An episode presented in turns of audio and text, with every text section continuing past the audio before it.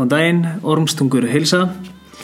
Þetta er hlaðavarp sem snýrað bókmyndum og hérna sitja Oddur Ingi Guðmundsson og Hjalti Haldarsson.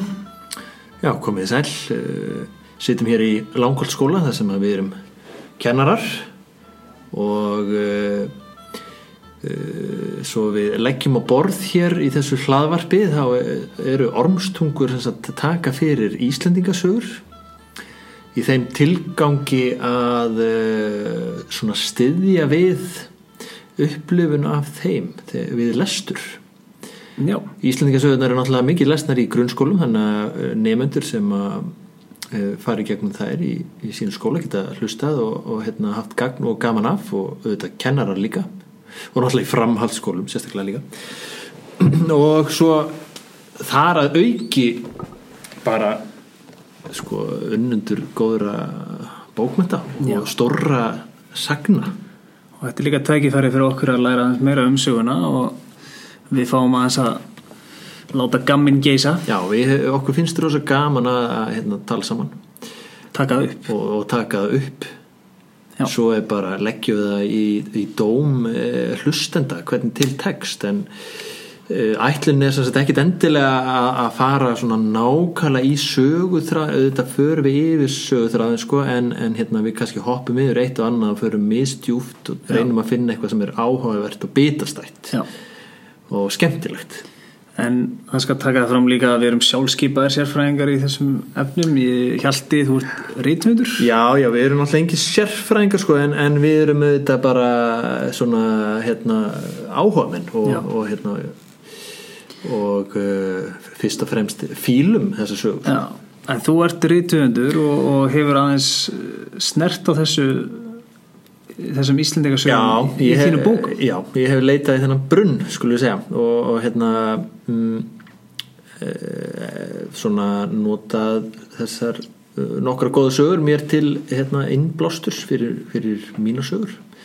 Og mun gera væntanlega eitthvað áfram ef að hérna já, já, ef að hefninu með mér eh, Já. Og, og til dæmis hefur við tekið þessa sögu fyrir uh, lagstælisögu sem við ætlum að fjalla Já. um í núna og það er uh, hvað held ég, hvað er lagstælis? sko, við, eh, fyrsta lagi þá er hérðinni frá verður þetta ekki kallað annað en dælan Já, því að þetta er eina stóru sögunum auðvitað munum við náttúrulega taka fyrir bara stóru sögurnar sko. Íslendingasögurnar er eitthvað um milli 30 og 40 kannski nær 40 sko. já, og uh, hérna, við þekkjum þess að helstu sko, njálsögu, eigilsögu kjálninsingasögu, gíslasögu og, og hérna, fleiri og fleiri. Og, og lagstæla er þar meðal. Uh, hérna og eins og flestar Íslendingasögurnar skrifuð einhvern veginn á 13. öld já, uh, 1200 og eitthvað en fjallar um atburði sem að eiga sér stað uh, á vikingöld á vikingaöld einhvern tímann hann um og fyrir árið þúsund. Já, þannig að hérna mm, eigum að taka eins bara svona almennt um Íslendingasögur? Endilega. Íslendingasögur náttúrulega svona ímsa kenningar um uppbruna þeirra hvort að þetta séu sögur sem að hafa gerst atbyrði sem hafa gerst í alvörunni og síðan fólk svona talað um að gengi mann fram að manni þannig að þetta var skráða niður þannig að þetta sé byggja á sönnum atbyrðum Já, eða þetta sé bara skáldverk uh, og hérna eða einhver staðar þarna mitt á milli. Einhverju þessara atbyrða hafi mögulega gerst með einhverjum hætti eitthvað sem fólki hafi verið til munnmæla sögur um það og síðan einhver búið til sögur í kringum það. Hann er kannski svona svona eh, hvað við að segja lí, líklegast eða vinsalasta kenningin um upprunæra já og þetta er oftast uh, svona sömu þemu. Já, það er svik og harmur mikill dauði. Já, deilur og, og ástir. Já, hetjur, hetjuskapur. Einmitt. Þannig að þetta eru svona bara uh, hérna þetta er náttúrulega heimildir um, um hérna, kannski ekki endilega hluti sem gerast í alvörunni, hver veit kannski eitthvað þessu, en fyrst og fremst heimildir um hugmyndir miðalda fólks uh, fólk sem var upp í þá hana, 1200 og eitthvað, 1300 já, um forfeður sína. Já. þannig að það er dregni fram svona uh, náttúrulega þetta er sögur um óvinnulegt fólk.